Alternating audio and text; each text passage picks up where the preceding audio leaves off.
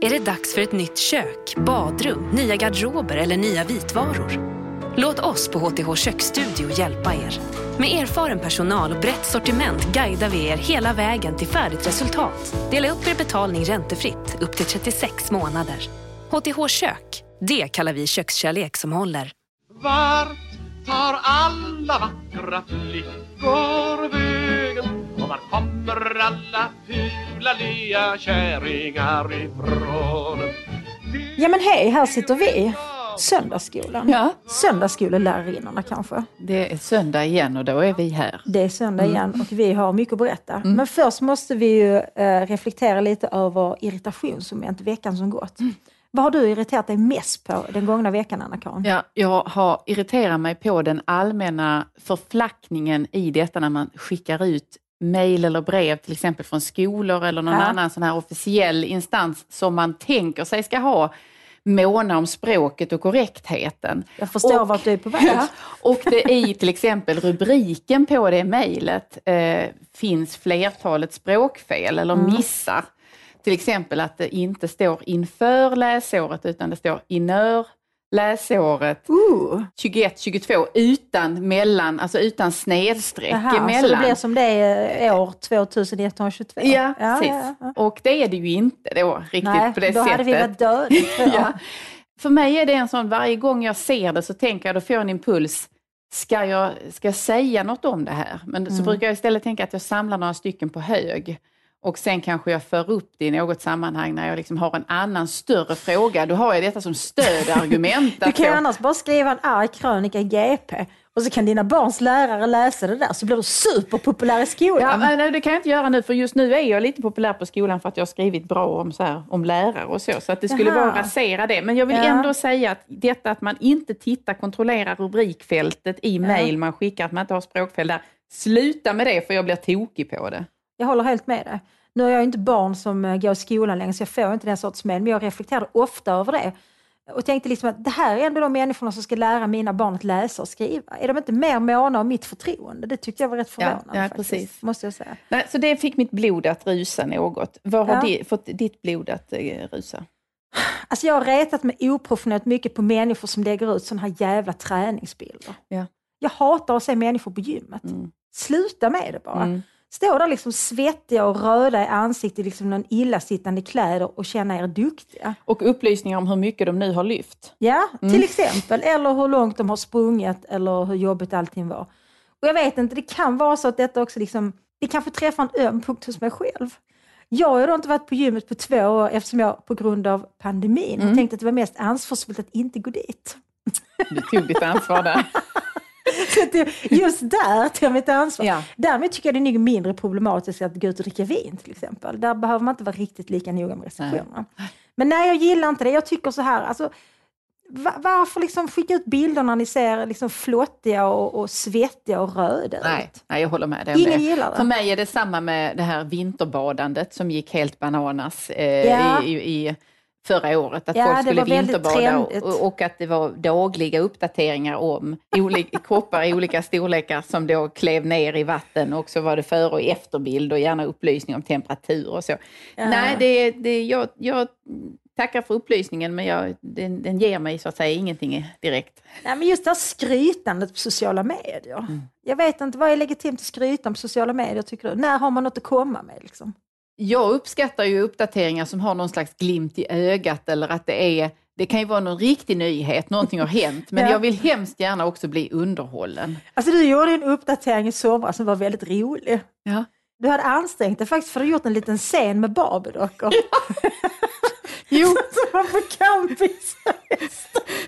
det är, det är en grej jag gör när jag kommer till mitt föräldrahem. Så, så brukar det finns nämligen ett Är det dina gamla Barbie-dockor? Ja, Cindy princip som finns kvar? Ja, det, Ja. det. Det är i princip en, en kopia av det jag och min syster hade när vi växte upp. Och jag tycker om att göra halvekivoka Ja, för det, var något med dem. det var då två kvinnliga Cindy eller Barbie-dockor och så en manlig. Ja. Och så skrev du någonting, för att mannen hade på något vis... Han hade tuppat av. hade tuppat av. Han låg liksom helt avtuppad utanför tältet. Vad var det du hade skrivit? Det var någonting... Nej, men det, någonting om att det var, att man inte pallar för en omgång eller något sånt där. Ja. Nej, men jag tycker om det där för att det är, så, det är lite sjukligt på ett sätt att hålla på med dockor när man är vuxen. Det är det ju. Så det är ju Ja, stört i sig. Men sen också att man Bara liksom... det verkar ju lite mm. bisarrt. Men sen att göra den sortens scener som har ett mycket tydligt liksom, erotiskt innehåll. För det hade någon annan gång också, med någon dockor som var ute och körde bil och så skrev det full patte. Ja, Det var också roligt. jo, exakt. Gör fler sådana Vi uppdateringar. vill ha mer nakna dockor på Facebook. Inga svettiga bilder utan Nej. dockor i... Nakna, snygga, välformade dockor. Mm. Det är bra. Nu snarkar han när det inte kluckar I Jaha, eh, låt oss osökt gå över till eh, dagens tema. Mm. Vad ska vi prata om idag? Vi ska prata om systerskapet. Ooh, Ja. Ett ruskigt ord. Ett, ett ord som ofta eh, nämns i eh, debatter, diskussioner som har feministiska förtecken. Mm. Där det finns en slags eh, föreställning om att kvinnor ställer upp för varandra när Mm. det blåser. Just det. Eh, jag tror att det eh, springer lite ur Jag tror att det har sin upprinnelse i 70-talet, 60-talet, 70-talets kvinnokamp. Alltså jag känner lite så Ebba Witt-Brattström och Ja. hela den rörelsen. Grupp åtta. Grupp åtta, precis. Eh, men jag tror också att det har fått en revival genom Madeleine Albright, är det väl som formulerade det här med att det finns en särskild Mm, plats i mm. helvetet för kvinnor som inte hjälper Precis. andra kvinnor. Precis. För det här systerskapet handlar inte bara om att hjälpa varandra när det blåser, utan det handlar också om att hjälpa andra kvinnor fram och upp. Liksom. Att den kvinna som har nått en position ska då använda sin position, sin status och sin makt för att hjälpa andra kvinnor att nå högre, så att säga. Och att man ska ta en kula för en syster. Alltså att, Ja. Det vill säga man ska också, i, systersk- i föreställning om systerskapet ingår att om du eh, utsätts för något, om Ja. det blåser kring dig, då ska du kunna kalla på dina systrar och då kommer de att hjälpa dig. Precis, precis. Upplever du att det har varit så? Att du har systrar som kommer till din undsättning? Nej, det har jag faktiskt aldrig upplevt måste jag säga. Och jag, jag, jag liksom, på tal om irritationsmoment. En sak som också irriterar mig, och det irriterar mig faktiskt nästan varje vecka, för att jag ser det här hela tiden. Det är de här kvinnorna som är någon slags karriärfeminister, som har gjort systerskapet till en karriärsgrej på något vis. Alltså de, de har byggt sin karriär på att företräda kvinnors intressen och att då liksom på något vis slåss för kvinnors rättigheter och rätt till fysisk integritet och så vidare. Eh, jag bor ju i Malmö och eh, här förleden så briserade en stor skandal i Malmös politiska liv. Det visade sig att eh, det moderata oppositionsrådet var anklagad av ett tvåsiffrigt antal kvinnor för att ha betett sig, som man kallade olämpligt.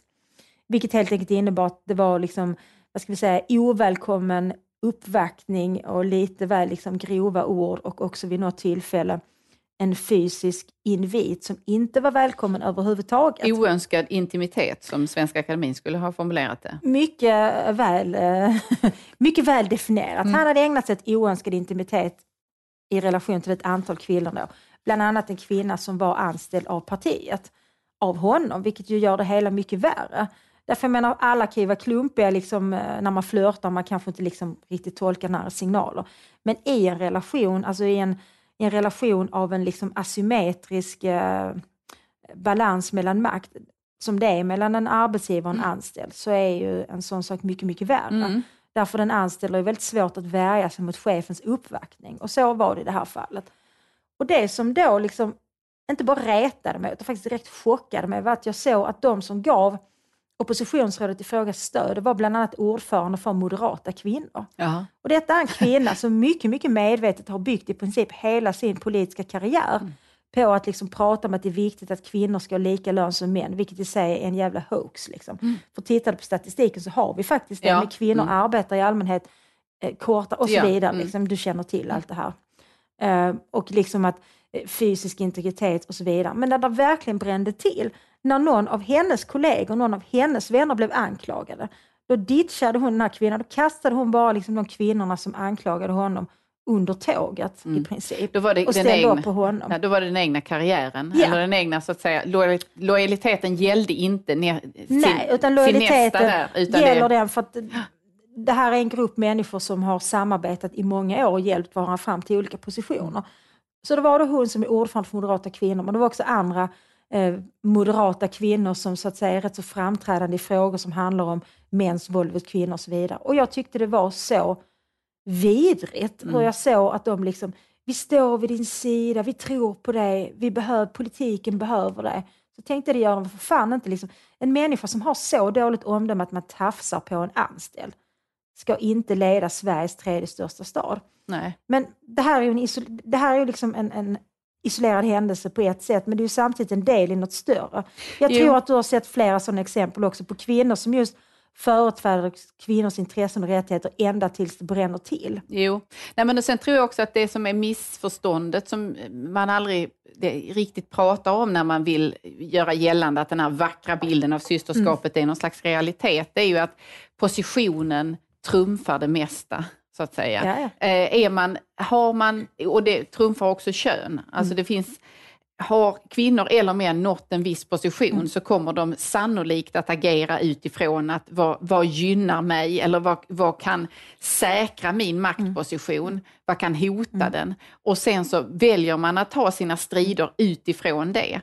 Eh, för många år sedan gjorde jag en, en eh, kartläggning av just så idealbilder inom akademin. Hur ska man vara mm. som, en, eh, som en ideal forskare? Hur ska ja, man agera för att liksom få komma framåt? Och jag kan säga att när man väl kom upp på de här professors, de topprofessors eh, med mycket forskningsmedel och liknande, när man intervjuade dem, det fanns ingen skillnad mellan män och, hur män och kvinnor resonerade där i fråga om att man var mer hjälpande som kvinna Nej, relativt de unga kvinnor som, försökt, som var i minoritet och mm. försökte ta sig upp, utan man, hade, man var lika så att säga fokuserad på målet och på fokuserad på att mm. vidmakthålla sin egen maktposition. Jag tror också att när, alltså tänker jag tillbaka på när jag själv har bett om hjälp, alltså när man har känt mm. att nu så mm. gungar marken under mig och jag skulle behöva bara det att någon sträcker ut och säger jag stödjer dig här ja. eller tar sida med, med en.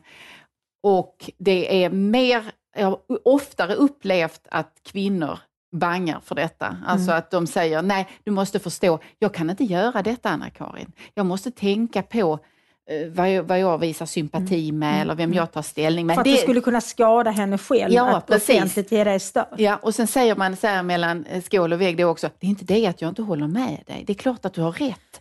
Men jag kan ju inte, du måste förstå priset jag får betala ja. om jag ställer mig bredvid dig här. Och, och då kan... pratar du om den akademiska världen framförallt och kanske media, kultur och ja, så också. Ja, jag ja. tänker alltså när man tar, om man tar publika strider och mm. man går ut och säger att det här mm. är fel eller det här mm. behöver vridas rätt och man trampar på ömma mm. tår i det, det är ju just då man behöver det här stödet mm. som systerskapet så att säga ska ställa upp Absolut. med. Mm. Men det är så intressant för jag funderar liksom över, ibland så upplever jag som att kvinna betraktas av de här människorna egentligen inte som en, en essentiell egenskap. Jag menar jag betraktar mig som biologisk kvinna. Mm. Sen är det klart liksom att en del av både din och min kvinnlighet är också någon slags performativ akt. Liksom, så att det är också i någon mening en social konstruktion. Men jag menar, jag ser ut på ett annat sätt inuti min kropp än, än, än vad en man gör. Liksom. Så jag är biologisk kvinna.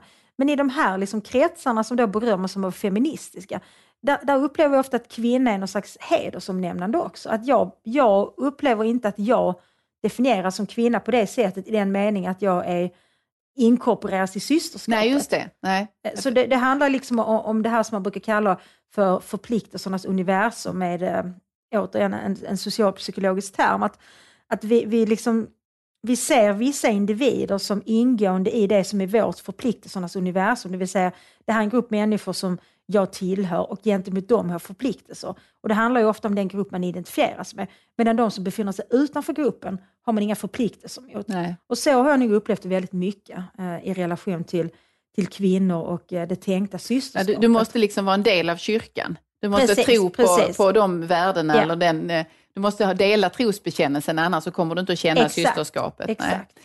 Nej, precis. Och det där är, jag, jag, kan också fundera så här, att hur kan egentligen en sån här bild om, eller en föreställning om systerskapet uppträda när vi vet att unga kvinnor, flickors umgänge i så mm. hög grad eh, handlar om social, alltså social ins, inneslutning, uteslutning Ja, ja, och där ja, konflikter ja, mellan unga kvinnor i mycket hög grad går ut på motsatsen till Mm. bilden av systerskapet, där du så att säga krokar arm och hjälper och går i bredd Mm. och allt det där.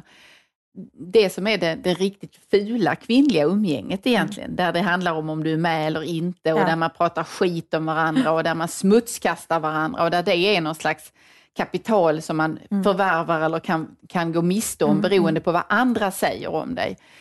Så att för mig är det nog, det är som en, en vision eller en drömbild av hur man då tror att snälla kvinnor är. Med, alltså vi, är så, vi, är så, vi är så fina och snälla så att vi ställer upp för varandra när det i realiteten kanske är mycket, min, mycket mer fulspel än man kan tänka sig i en maskulin kultur då, där man då är föreställningen att man är rakare eller där man tar en fight. Jag vet inte. Nej, men alltså jag upplever att, att kvinnor bondar ofta genom att snacka skit om andra. Mm. Att liksom kvinnor sitter två och två och pratar om en tredje person och säger liksom eh, Lisa är si och så. Och, och det är ett sätt att säga, men det är inte du och jag, så vi hör ihop, vi är mycket bättre. Att det finns liksom ett, ett oerhört behov, har jag upplevt hos många kvinnor, att på något vis baktala den som inte är där för att definiera vad som är tillåtet och inte tillåtet. Och att då definiera sig själv som den som är rätt i någon mening. Det, det, det upplever jag som väldigt eh, typiskt för kvinnlig vänskap och kvinnligt bondande. Ja. Jag tycker man ser det liksom, om man kommer till en ny arbetsplats eller när man har börjat i en ny skola och så, att det är ett sätt liksom att söka kontakt, att prata med, har du sett Agneta där borta, har, är hon inte väldigt konstig? Jo. Och så ska man hålla med om det och då, då liksom blir det ett shit på något Ja, vis. men det är det här med inneslutning och uteslutning så att, så att säga. Men jag tänker också på, vi befinner oss ju, nu pågår en diskussion om vem som ska bli Socialdemokraternas nästa partiordförande. just Det. det är mycket viktigt att det blir en kvinna. Ja, det- Detta har bland annat Jonna Sima berättat. Mm. Och Jonna Sima sa också något väldigt viktigt i debatten med Alice Teodorescu. Mm. Hon sa, det är mycket viktigt för förebilder. Med förebilder. Det kan vara så att det sitter många unga flickor och tittar på oss nu och tänker, jag kan också bli socialdemokratisk opinionsbildare. Efter att ha sett Jonna Sima flacka med Gulbilken i tio minuter så var hon sagt övertygad om att detta är fullt möjligt för mig. Ja. Hon behöver inte heta Daniel Suhonen. Hon kan heta Jonna Sima. Ja, precis. Mm. Men det vi, till alla unga kvinnor som lyssnar så vill vi också säga att man kan bli opinionsbildare utan att vara socialdemokrat. Ja, du behöver inte bli socialdemokrat, Nej, just det. Det, det, det är inte så att det kommer inte både och där automatiskt. Det finns alternativ. Men, nej, men för det jag funderar på är ju dels är den här essentialiseringen av att, att man tror att den kvinnliga ledaren då för med sig någonting eh, annorlunda, någonting som inte har funnits tidigare. Och det, det är därför är det eftersträvansvärt Mm, att få en kvinna på posten. Samtidigt för att återknyta till det du sa då om att det är en viss sorts syster, det är en viss sorts systerskap. Precis. Det kräver att du har en viss slags trosbekännelse och bekänner dig till den och så. Men, Det är en viss sorts kvinnor som innesluts i ja, systerskapet. för att man kan ju också... Ebba Busch innesluts inte. Nej, och jag tänker också om man blickar bakåt så ser vi ju andra kvinnliga ledare historiskt sett då, Margaret Thatcher till Mm. Precis. exempel, där man snarare inom det här så kallade systerskapet Mm. är mån om att förtydliga att hon var ju så att säga inte, hon var inte kvinnlig i sitt ledarskap på det sättet. hon precis. utnämnde ju inga kvinnliga ministrar Nej, och nej. sådär. Va? Eh, där, där det ligger i linje med detta att, Mm. att kommer du från en viss politisk falang så räknas du inte i din, din, din kvinn... Detta att du är kvinna räknas inte så att säga som någon slags plus i kanten längre. Nej, nej. Utan man blir snarare betraktad som någon slags husneger om man Mm. är kvinna och borgerlig, för att då, då ränner man männens ärende. Eh, på något bisarrt vis är det någon inställning som finns. Ja, nej, och jag tycker att när man tittar på alltså, metoo-debatten då, som, som är en ganska bra illustration av just detta, där, där man, eh, det fanns i, i princip inga nyanser i den diskussionen, utan där det handlade om att, att ställa upp och ha knytblus helst liksom i, i, på, på givet klockslag och given dag. Alltså det förstörde hela knytblusgrejen för mig, för jag gillar egentligen knytblus. Jag med, jag men jag med. känner att jag kan inte ha det. Det går inte, knytblusen blir kontaminerad. Ja, alltså jag, kan, jag känner inte så starkt längre att den är, att den är, liksom är förgiftad Ja, vi av vi detta. kanske men- kan börja repatriera den Ja, ja. Men, men hela den, när man ser de här bilderna på Mikael Damberg i någon slags hemmasnickrad knytblus blus, Alltså, så ja, känner jag ju inte heller... Jag vet inte. Nej, Mikael Damberg knytblus. Alltså när, man, när jag tänker på den bilden känner jag att jag vill inte ha sex på tio år. det, det, det är en fruktansvärd men du bild. behöver inte ha det med Mikael Damberg, eller, eller behöver man det? Nej. Nej, det är nog inte aktuellt.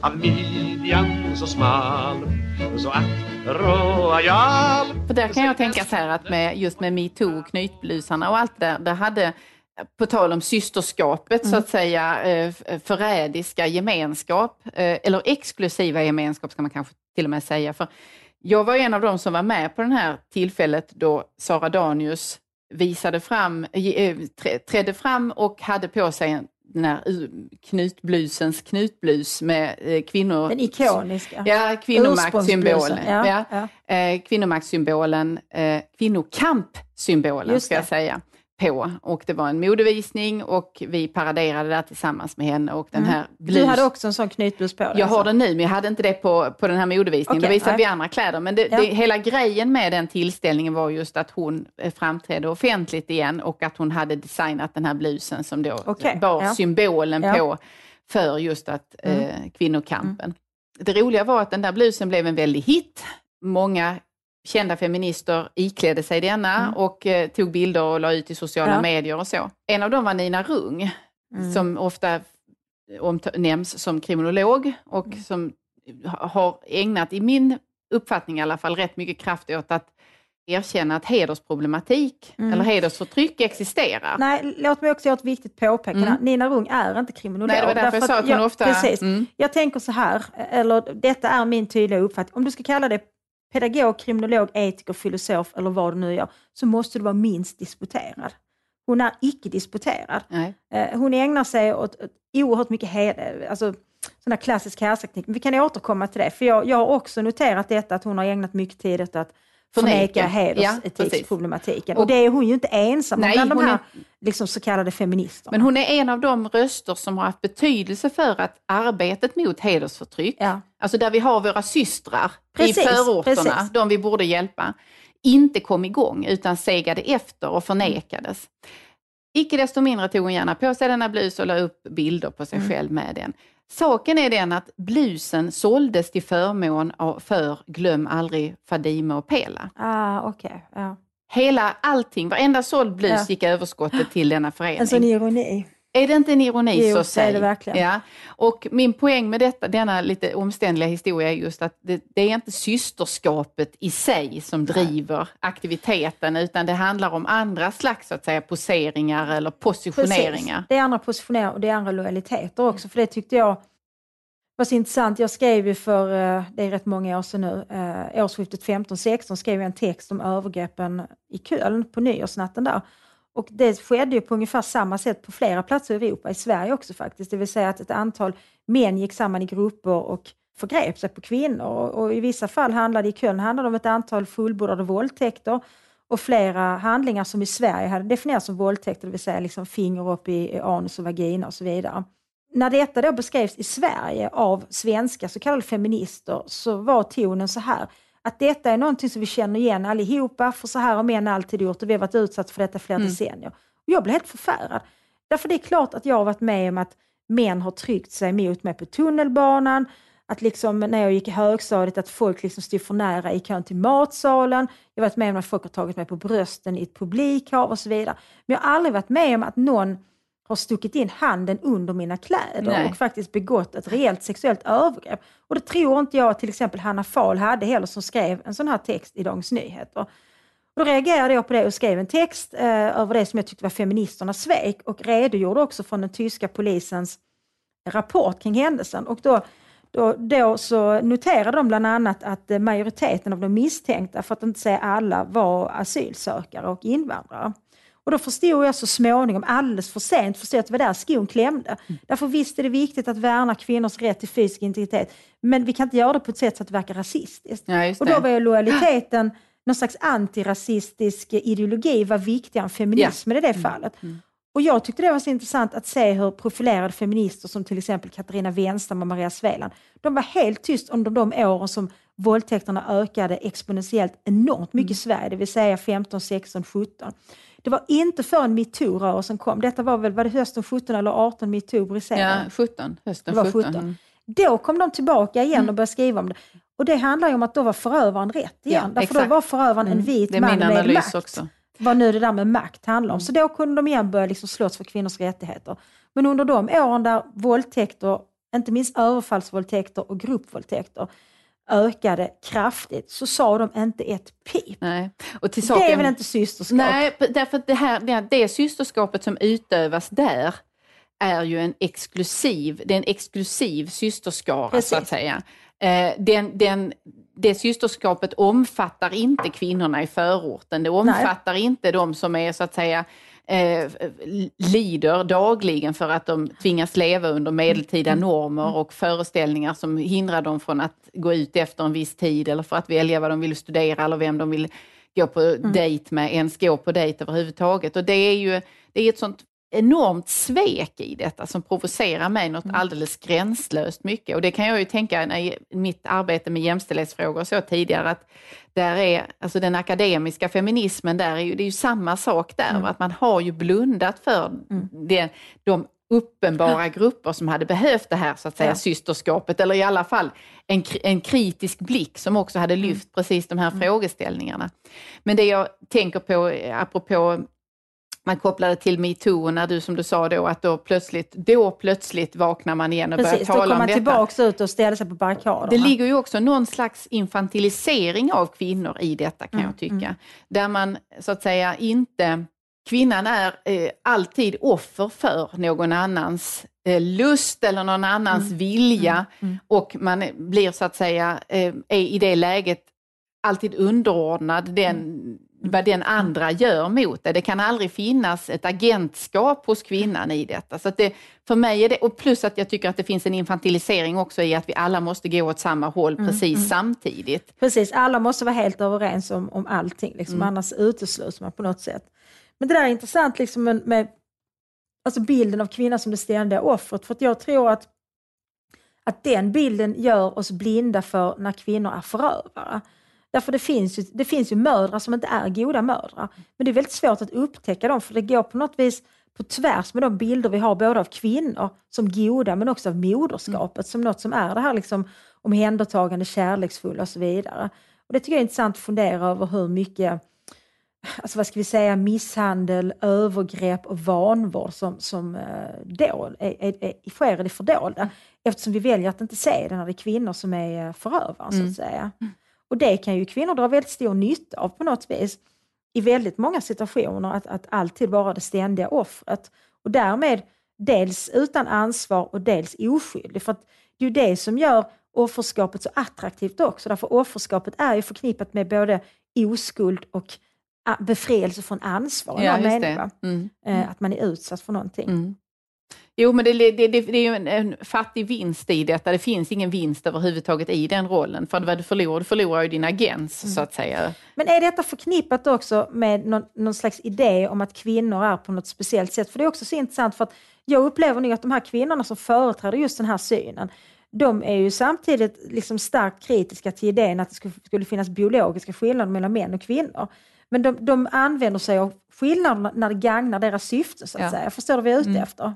Jo, precis. Och det, den här, det, det här kategoriserandet är ju hela Alltså att dela upp i två stabila kategorier. Mm. Det är ju hela liksom, eh, det är dramaturgin, det är mekanismen ja, i ja. hela eh, talet om systerskap och talet om män som, mm. som onda och eh, dåliga människor och allt det där. Och tillbaka till det där med varför det är viktigt, eller nu om det är viktigt mm. att det blir en kvinnlig partiordförande för Socialdemokraterna eller ej. Det är ju precis detsamma där, att det är en essentialisering då av att man tror ja, men det, att... det är det ju verkligen. Ja. Jag, jag, hörde någon diskussion på radion, jag kom faktiskt inte, jag tror det kan ha varit Anja Suhonen, eh, men det spelar ingen roll. Det var två personer då som satt och diskuterade. Annie Suhonen? Nej, Daniel Suhonen. Ja, jag tänkte, är det hans syster kanske? Han kan vara en syster, kunde träda fram.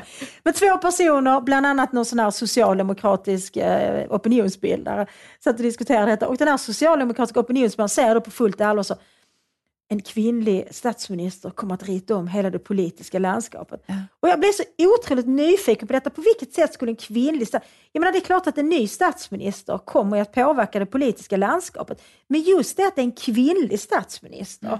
Jag menar, om Ebba Busch blir statsminister, det kommer ju att ändra från hon kommer ha en annan approach än Stefan Löfven. Men handlar det om hennes kvinnlighet? Och kommer Jonna Sima att jubla då, som gärna vill ha en kvinnlig statsminister? Vad tror du?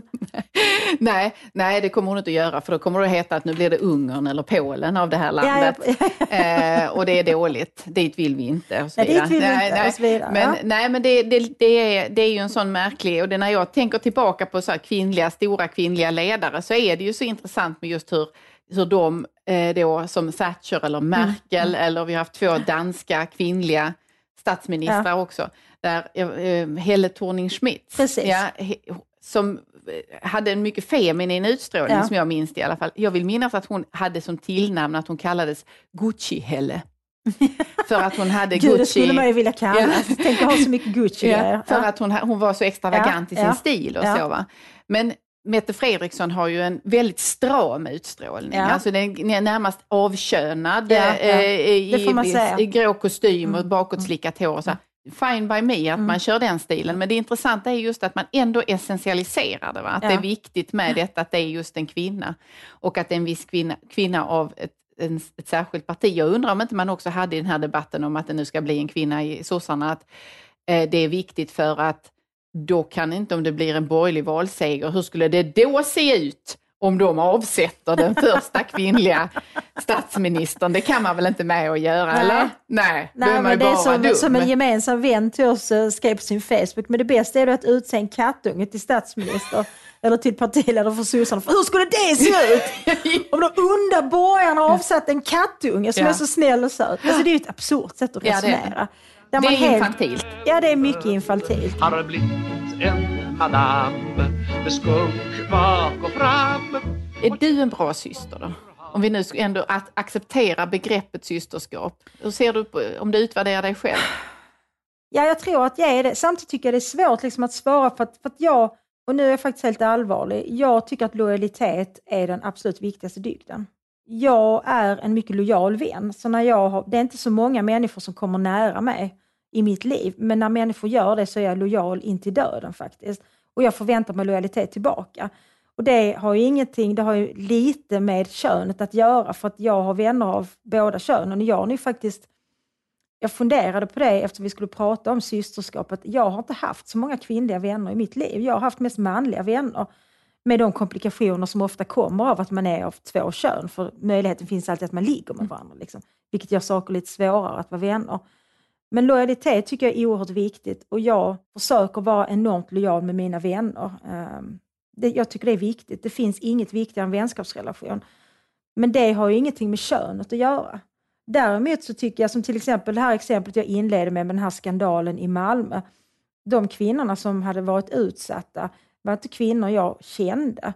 Ehm, men jag kunde identifiera mig med vad de hade varit utsatta för. För jag har själv befunnit mig i yrkesrelaterade situationer där min överordnade har betett sig på ett mycket olämpligt sätt och där jag har haft väldigt svårt att värja mig.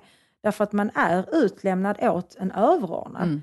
Jag har aldrig svårt att säga till en man som låt säga, lägger en hand på mitt lår eller lägger armen om mig, men jag tycker det är obekvämt att säga, kan du ta bort handen? Men det är jättesvårt att säga det till en chef mm. som har stor makt över en. Jag menar, du vet hur det är i akademin, där är man så oerhört beroende av att någon liksom talar för en sak i olika sammanhang. Det handlar om att man ska få forskningspengar eller undervisning, man ska vara med i olika projekt och sådär. Och om man då sitter där med någon som har makten över att säga ja eller nej till min medverkan i ett stort forskningsprojekt, då är det jättesvårt att säga ursäkta men jag känner mig inte bekväm att du har lagt eh, armen om mig nu. Nej. Det är väldigt svårt. Nej, precis. Jag tänker också att det handlar om det är en del i de här mm. fysiska överträdelserna ja. eller gränsöverskridandet. Men för mig handlar nog lojalitet och, om vi nu ska kalla det systerskap, då, det handlar också om frågor av varierat slag. Alltså det mm. handlar om att när någon gör fel mm. eller när någon mm. utsätter mm. någon för en lurar någon eller ja, är falsk precis, eller något precis. liknande, att man också då kan med och stå där och istället säga jag är med dig och jag kommer mm. rikta strålkastarljuset mot detta mm. och jag står kvar mm. när vi blir ifrågasatta. Eh, för det är min erfarenhet att det, det, är just i sådana strider som man också ofta blir ensam. Ja. Jag försöker tänka, eller jag är, i min personlighet är jag nog sån att jag inte, jag är sällan driven av att jag går vidare, att jag gör saker för att jag tänker att det här vore bra karriärmässigt, utan Nej. jag är hela tiden beroende av att jag känner att det finns någon vikt och något värde och Precis, någon det är lust kopplat som är, till som är det. vikt, Antingen att det är någonting som jag har drivits väldigt mycket av att jag har känt att jag har ett ansvar att berätta det här eller jag har ett ansvar att fundera kring det här. Eller att jag har tyckt att saker varit roliga. Ja. Jag har inte överhuvudtaget varit strategisk i min yrkeskarriär. Men då tänker jag så här, om man ändå ska vara självkritisk, så Ja. tänker jag att när man är sådan, så kan det ju också få den effekten att man, att man drar snabbt. Alltså det, jag, nu är jag färdig, jag har gjort den här grejen nu. Nu har jag pratat om det här, eller nu har jag Mm. Ja. fått ur mig den här texten, eller jag, jag har gjort den här Ja, utvärderingen och så. Nu vill jag gå på nästa sak som jag tycker är viktig, Ja. eller som väcker min lust och passion att förändra. Och de allra flesta människor är ju inte sådana liksom hoppjerkor i vad man då vill Nej, syssla med. Så jag tror nog att om jag liksom granskar mig själv, att jag i några fall har liksom kanske lämnat kollegor eller personer som hade förväntat att de skulle få Ja. fortsätta jobba med en eller fortsätta skapa nya projekt och allt sånt där. Och då går jag vidare till nästa sak som jag tänker att det här är viktigt nu. Mm. För i mitt sinne har jag ju kvar de där kamratskapen och relationerna. Precis, precis. Men du menar att de kanske har känt sig svikna och övergivna då? Jag, jag tror att det skulle kunna vara så. Jag försöker Ja. bara liksom tänka, man ska inte bara förhärliga sig själv. För Nej, att jag nej, menar, utan det kan nog finnas en sån sida. Jag, jag kan ju se att jag har tagit ett antal strider där jag har tagit obekväm ställning för personer och Mm. Ja. för saker. Men jag har också varit en person som har skiftat mycket i var jag lägger mitt fokus och var jag lägger Mm. mitt krut. Och det gör ju att, att det finns kollegor som har blivit, så att säga, lämnade inom citationstecken. Ja. Va?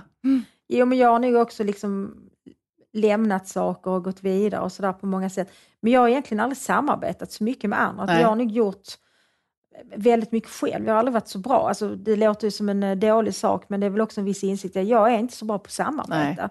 Därför jag blir lätt otålig. Och det kan ju också upplevas som illojalt naturligtvis, som jag tycker, men det här tar för lång tid och liksom den här personen är för långsam, då orkar inte jag. Nej, nej, jag brukar tänka att jag är rastlös. Att jag... Och sen kan jag tänka liksom med, med, med liksom systerskap att nu har jag en, en situation, en arbetssituation där, där jag har ett antal personer som jag arbetsleder och om vi då ska rekrytera någon ny så tänker jag faktiskt så här att nej men, vi kan inte ha fler kvinnor nu, då blir det besvärligt. Nu måste vi ha någon män. Därför att jag upplever faktiskt att det är mindre komplicerat att arbeta med män än med kvinnor. Och det är kanske osysterligt av mig att jag inte liksom väljer att hjälpa liksom yngre kvinnor framåt utan tänker att prioritera att det ska liksom fungera och att det ska vara enkelt för mig. Ja. Jag vet inte. Nej, jag vet, fast man kan ju tänka så här att du, på, si- i ett större perspektiv hjälper du ju kvinnor vidare om du går efter principen att bäst kompetens och bäst meriter oberoende av kön. Exakt, för det tycker jag, om vi tittar, eftersom vi ändå pratar om Socialdemokraternas behov av, av eh, deras upplevda behov av en kvinnlig partiledare.